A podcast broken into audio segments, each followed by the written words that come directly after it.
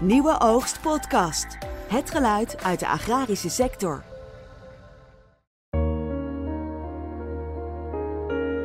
Als je appelbloesemkever hebt, moet je middelen hebben dat je dat ding kunt bestrijden. Het is een plaag die gewoon ronduit levensbedreigend is, continuïteitsbedreigend is voor de teler.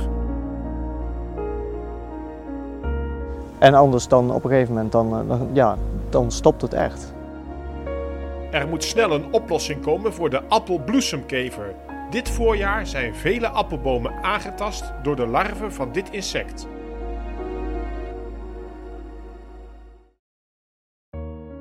Mijn naam is Johan Wissink en ik zoek in deze podcast voor Nieuwe Oogst uit wat de gevolgen van de appelbloesemkever zijn voor de fruittelers in Nederland. Om een goed beeld te krijgen van de schade hebben we afgesproken met Herman de Vree. We staan hier op locatie uh, Proeftuin Randwijk. Uh, hier vindt heel veel onderzoek plaats uh, voor de hele fruitsector. Dus in zijn hele breedte. Um, en dus ook naar appelbloesemkever. Over die onderzoeken hebben we het later. De Vree is bedrijfsleider van de proeftuin in Randwijk. Een groot gedeelte van zijn bomen is aangetast door de kever. Deze bomen die staan op 80 centimeter geplant. Het is de bedoeling voor een, een volle oogst dat, uh, dat op iedere centimeter plantafstand één vrucht hangt. Nou ja. Dus als appelbomen op 80 centimeter geplant zijn, dan zouden 80 uh, appels aan een boom moeten hangen. Nou ja, we staan hier bij een boom en uh, het is misschien uh, wat lastig te zien, maar aan deze boom hangen hooguit 10 appels. Nou, dat betekent dat er 70 te weinig aan hangen en dat is natuurlijk een enorm, uh, enorm probleem en ook een financiële kostenpost. Dus uh, daardoor uh, heb je gewoon een enorme oogsterving. Ja, je hebt twee appels geplukt alvast. Ja, Die ik heb, kun je het goed zien, hè? ik heb inderdaad hier een voorbeeld. Ehm, de meeste bloesems komen niet uit. op het moment dat een bloesem wel bevrucht wordt door een insect, dan dan kan het zijn dat er een appel uitgroeit. En dat is niet altijd zo, maar dit zijn de voorbeelden dat het wel gebeurd is. Ja, wat zien we? Uh, nou ja, dan zie je inderdaad, we moeten even kijken naar hoe de appel is. Hè. Dit is de bovenkant, hier zit het stil. Een appel groeit net als een banaan in het begin op zijn kop. En hier bovenop zit het kroontje en daar komt de bloesem, uh, daar zit de bloesem. En dan wat er gebeurt is het vruchtbeginsel dat bolt op. Nou ja, hier bovenop zit de bloesem, daar heeft de appelbloesemkever uh, in geprikt en aangevreten. En wat je ziet als een appel dan toch doorgroeit, dat er uh, misvormde appels uh, komen. En dat, uh, dat is duidelijk te zien in deze twee vruchten. En zo hangen er veel meer in de boomgaat. Ja, dus van de appels die er nu hangen, is het ook nog maar de vraag wat goed genoeg is om echt te kunnen verkopen. Inderdaad, ja, want dat is natuurlijk ook een probleem. We proberen kwalitatief goed fruit te telen in Nederland. en de consument is het ook gewend en ze mogen dat ook verwachten van ons. Um, ja, en dit soort vruchten, dat is, uh, dat is niet voldoende. Dat kun je eigenlijk niet op de markt brengen. Dus dit is gewoon, uh, ja, mooi dat ze uitgegroeid zijn, maar het is uh, niet verkoopbaar. Dus van die 10 appels die overblijven, hoeveel zijn er daarvan nou echt goed genoeg? Nou, dat is altijd moeilijk te zeggen. Maar ik denk als we hier kijken dat van die 10 appels die overblijven, de helft van de appels ook nog misvormd is of aangetast. Dus daar is, daar is eigenlijk niks meer mee te beginnen. Dus eigenlijk heb je gewoon 90% verlies? Uh, ja, zo zou je dat kunnen zeggen inderdaad. Ik denk dat dat uh, vrij reëel is. En natuurlijk verschillend van perceel tot perceel, maar zeker in dit perceel is het, uh, is het een enorm verlies. Ik denk zeker tot 90%. Ja. Ja. Ja. Oogst je dan nog wel? Nou, in dit perceel is de aantasting zo groot dat we, dat we erover twijfelen om te oogsten. Misschien voor onderzoeksdoeleinden dat we inderdaad de vruchten nog gaan oogsten. Maar ehm, nou ja, als we reëel zijn en dit zou een productiebedrijf zijn, zou ik niet eens de moeite meer nemen om, uh, om de vruchten te oogsten. Dus dan heb je geen 80% verlies, geen 90% verlies, maar gewoon 100% verlies? 100% verlies.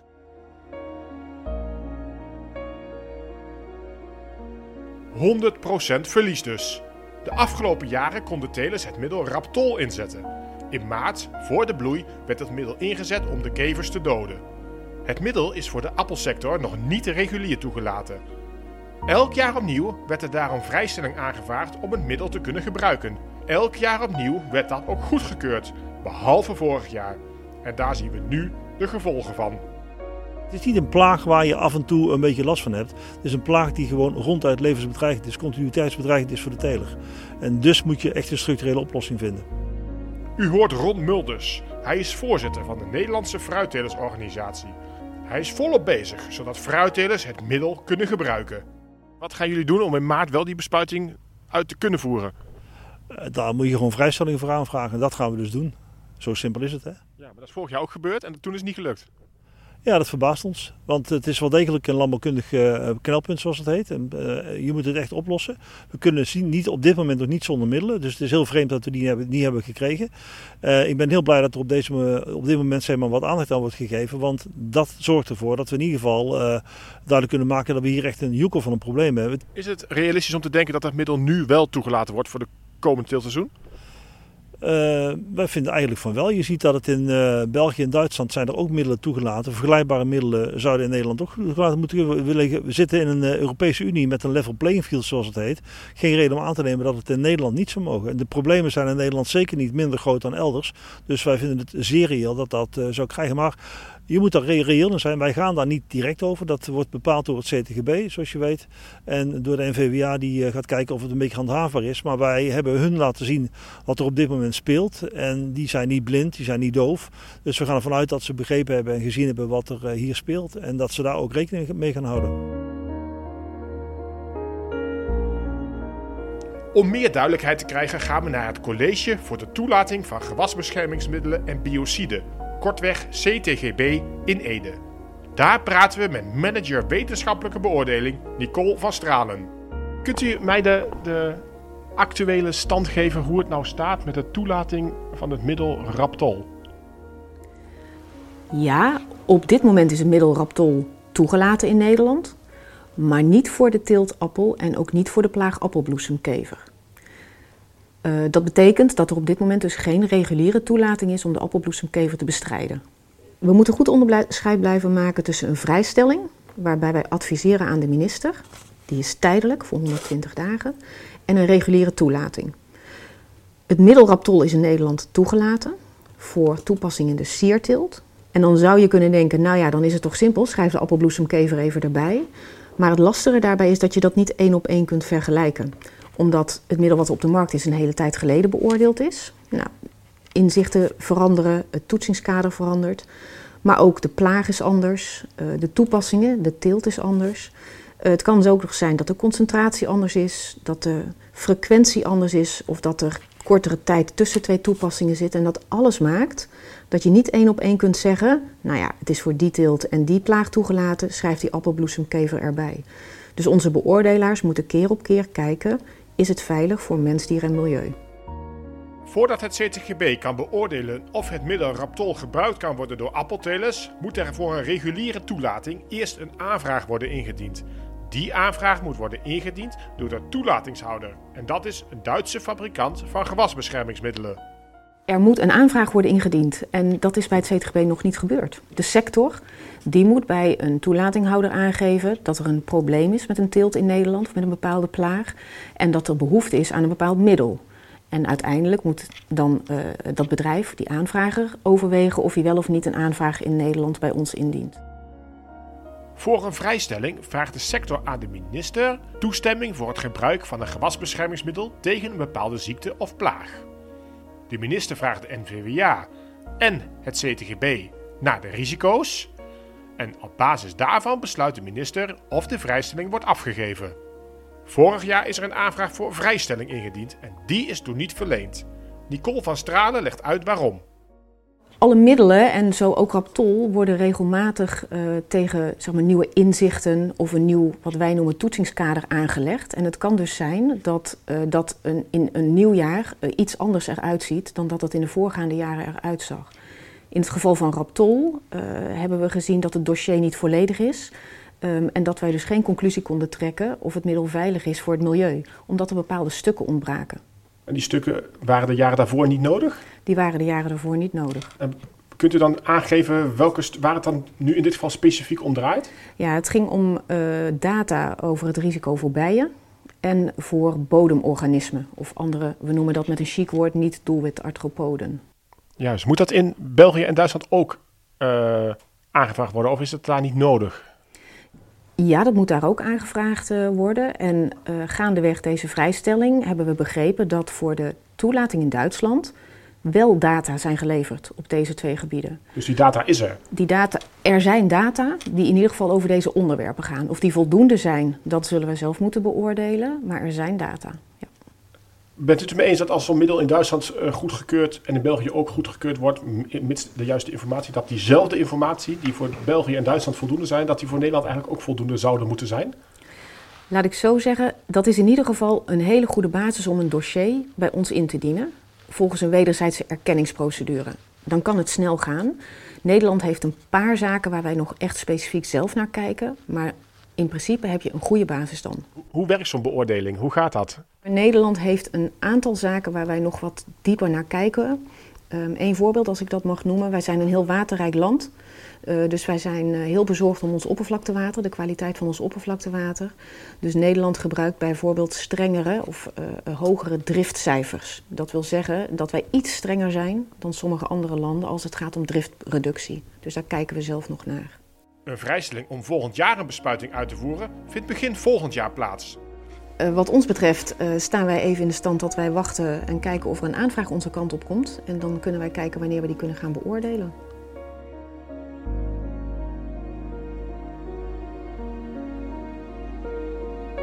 We gaan terug naar de proeftuin Randwijk en daar lopen we door de boomgaard met Herman Helsen. Hij is onderzoeker van de Wageningen Universiteit en kijkt of er andere mogelijkheden zijn om de appelbloesemkever te bestrijden. Ik uh, ben uh, onderzoeker entomologie en uh, ik werk aan gewasbescherming, insectenbeheersing in fruitteelt. Een van die onderzoeken is het wegvangen van de appelbloesemkever met bindbuisjes. Wat we proberen te doen is uh, die kevers te verleiden uh, om in uh, bundeltjes van zwart bindbuis, zwart PVC bindbuis te kruipen. Um, en vervolgens halen we die schuilplekken weg in de winter en op die manier halen we dus kevers weg uit het perceel. En zo hopen we eigenlijk die populatie kevers zo laag te krijgen dat, dat de schade in ieder geval op een acceptabel niveau blijft. Om de proeven te duiden geeft Helze eerst aan hoe de levenscyclus van het beestje eruit ziet. Een appelbloesemkever, een kevertje van uh, millimeter of 4, 5 groot, snuitkevertje. Um, een groep van, van hele belangrijke landbouwkundige plagen wereldwijd. Um, en, en, deze appelbloesemkever die uh, die heeft één generatie per jaar. Brengt de winter door, de zomer en de winter eigenlijk. Een heel groot deel van het jaar is hij in rust. Um, achter de schors of uh, in, in ruigte, uh, ruigte strooisellaag onder, onder bomen. maar ook wel direct buiten de boomgaard, in bossages, bossen en zo. Vervolgens in het voorjaar, maart, temperaturen lopen wat op, wordt hij actief. En dan gaat hij op zoek naar de uitlopende appelknoppen. Dus, dus kort nadat die knoppen beginnen uit te lopen, muizenoorstadium noemen fruittelers dat, dan is, dat, is die knop optimaal om eieren in te leggen voor de gever. Dus de paren in het voorjaar leggen eieren en in ieder bloempje binnenin die appelknop, waar wel vijf, zes bloemen in kunnen zitten, in ieder bloempje kan die dan een ei leggen. Die, die, die, eieren die komen uit, dat wordt een larve. En die larve, met de ontwikkeling van dat bloempje, ontwikkelt die larve zich, die vreet dan de binnenkant van de bloem weg, de stijl, de stampers. En die vreet die binnenkant van de bloemblaadjes aan. En die bloem opent zich nooit meer. Dat wordt dan, die blijft gesloten, wordt bruin. En dat is wat fruithelers een kappertje noemen. Juist. Nou, uit dat kappertje komt na de bloei weer een volwassen gever. Die vreet even, loopt even rond door de boomgaard. En nu hebben we het over mei, juni. En dan zoekt hij een plek om eigenlijk te wachten tot het volgend voorjaar. Dus op die manier heb je één generatie per, per jaar. En zo'n geschikte schuilplek is achter de schors. Het liefst zitten ze uh, op een oude appelboom, achter die ruwe schors in diepe spleten. Uh, en als ze die niet vinden, ja, dan moeten ze op zoek naar iets anders. Juist. En dat hebben jullie nu hier geprobeerd een beetje na te bootsen. Um, wat we, wat we zien in moderne boomgaarden, die hebben die ruwe schors niet meer. Want die appelbomen die staan 10, 12 jaar, soms ietsje langer. Ehm, en, en zoals je hier ziet, zo'n zo'n stam van een appelboom, ja, daar zitten, daar zitten nauwelijks natuurlijke schuilplekken op. Als je dat vergelijkt met een, met een oude struikenboom of een hoogstam. Ehm, en al, al jaren geleden viel ons op dat eh, die kevers heel graag gaan zitten in het bindbuis, het PVC-bindbuis, waarmee vrijwilligers de bomen aan de paal vastzetten. Eh, dus die uiteindjes, die, dat, is, dat is een openingetje van een paar millimeter doorsnee. En daar kruipen ze graag in weg. Nou, met dat idee zijn we eigenlijk verder aan de slag gegaan. Eh, en nu maken we eh, bundeltjes van 10, 20 stukjes bindbuis. Die knopen we aan elkaar, knopen we aan de stam. Op een meter hoogte tegen de stam, binnen in de boom. We zorgen dat die hangen op het moment dat die kevers een schuilplek zoeken. Dus net na de bloei? Net na de bloei. Uh, en uiteindelijk halen we ze in de winter weg. Dus het zou best kunnen dat hier nu een paar van die kevertjes in zitten? Hier zitten kevers in. Ja, dat weet u zeker? Ja, dat weet ik zeker. Want in dit perceel zaten veel kevers. En we hebben gezien dat, dat ze echt heel graag in, in deze bindbuis uh, wegkruipen. Maar we zien hier bijvoorbeeld nu 14 buisjes ongeveer en een taairipje. Hoeveel kevertjes zit, denkt u nu dat er in zo'n bundeltje zitten? Nou, je zit, uh, dat, dat kan variëren van 1 tot een stuk of 5. Uh, dus, dus, je moet zich niet voorstellen dat het heel erg veel kevers zijn, want het is maar een handvol kevers die de winter doorbrengt per boom. Ja. Uh, je hebt ook maar een handvol kevers nodig om in het voorjaar uh, flinke schade te veroorzaken. Als, als iedere, uh, zeg maar, ieder vrouwtje 40 eieren legt. Maar daarnaast ook nog om, om te vreten, om, om zijn energie, haar energie op te doen. eieren te produceren en zo. Ook nog flink wat knoppen aan, aanvreet. Dan heb je met een handvol kevers per boom heb je flinke schade. Nou is natuurlijk de vraag, is dit voldoende? Werkt dit voldoende om bijvoorbeeld een chemisch middel te vervangen? Het, het werkt beter naarmate er minder alternatieve schuilplekken zijn. Precies, in zo'n uh, jonge dus, boomgaard dus. dus. Als je een jonge boomgaard hebt, uh, met weinig ruwe schors, met uh, boompalen die van materiaal zijn die, die ook relatief weinig schuilplekken bieden. Hier zie je een hardhouten boompaaltje. Mhm. En om een omgeving die relatief arm is aan natuurlijke schuilplekken, dan kun je een behoorlijk aandeel van je kevers in die pindbuis vinden. Hoeveel? Weet u dat? We hebben proeven gedaan waarbij we grote schaal, op biologische bedrijven, een aantal biologische bedrijven waar, waar dit op, op grote schaal wordt toegepast, uh, waar we meer dan de helft van alle kevers in onze bindbuis vinden. Is dat voldoende? Uh, nou, uh, dat is inderdaad een goede vraag. Is dat voldoende? Dat bleek afgelopen jaar in elk geval niet voldoende te zijn. Er worden onderzoeken gedaan hoe de bindbuisjes aantrekkelijker kunnen worden gemaakt voor de kever. Een nadeel is dat het ophangen en het legen van de buisjes wel arbeidsintensief is. Die, die kever heeft één generatie per jaar. Wij tellen op een aantal plekken waar we dit toepassen, elk jaar hoeveel aangetaste bloemen er zitten. Dus op die manier hebben we een beeld van de totale populatie van die kevers in zo'n boomgaard.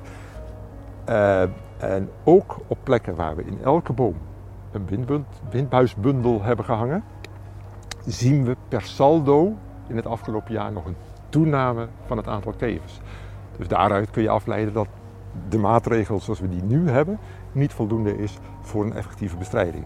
Dus de helft wegvangen, of zelfs meer dan dat, is in elk geval in jaren dat blijkbaar de kevers de wind behoorlijk mee hadden, niet voldoende om een, om een effectieve bestrijding, een volledige bestrijding te krijgen die ook uh, voorkomt dat, uh, dat de teler in de, in de problemen loopt. Gelooft u dat er in de toekomst zonder chemische bestrijding kan op dit gebied? Eh, dat, dat weet ik niet. Dat weet ik niet. Daar zijn we nu in ieder geval nog niet. Moeilijk te, moeilijk te voorspellen. Het zijn, komende jaren ook nog niet. dus. nee, de komende paar jaar zijn we daar nog niet.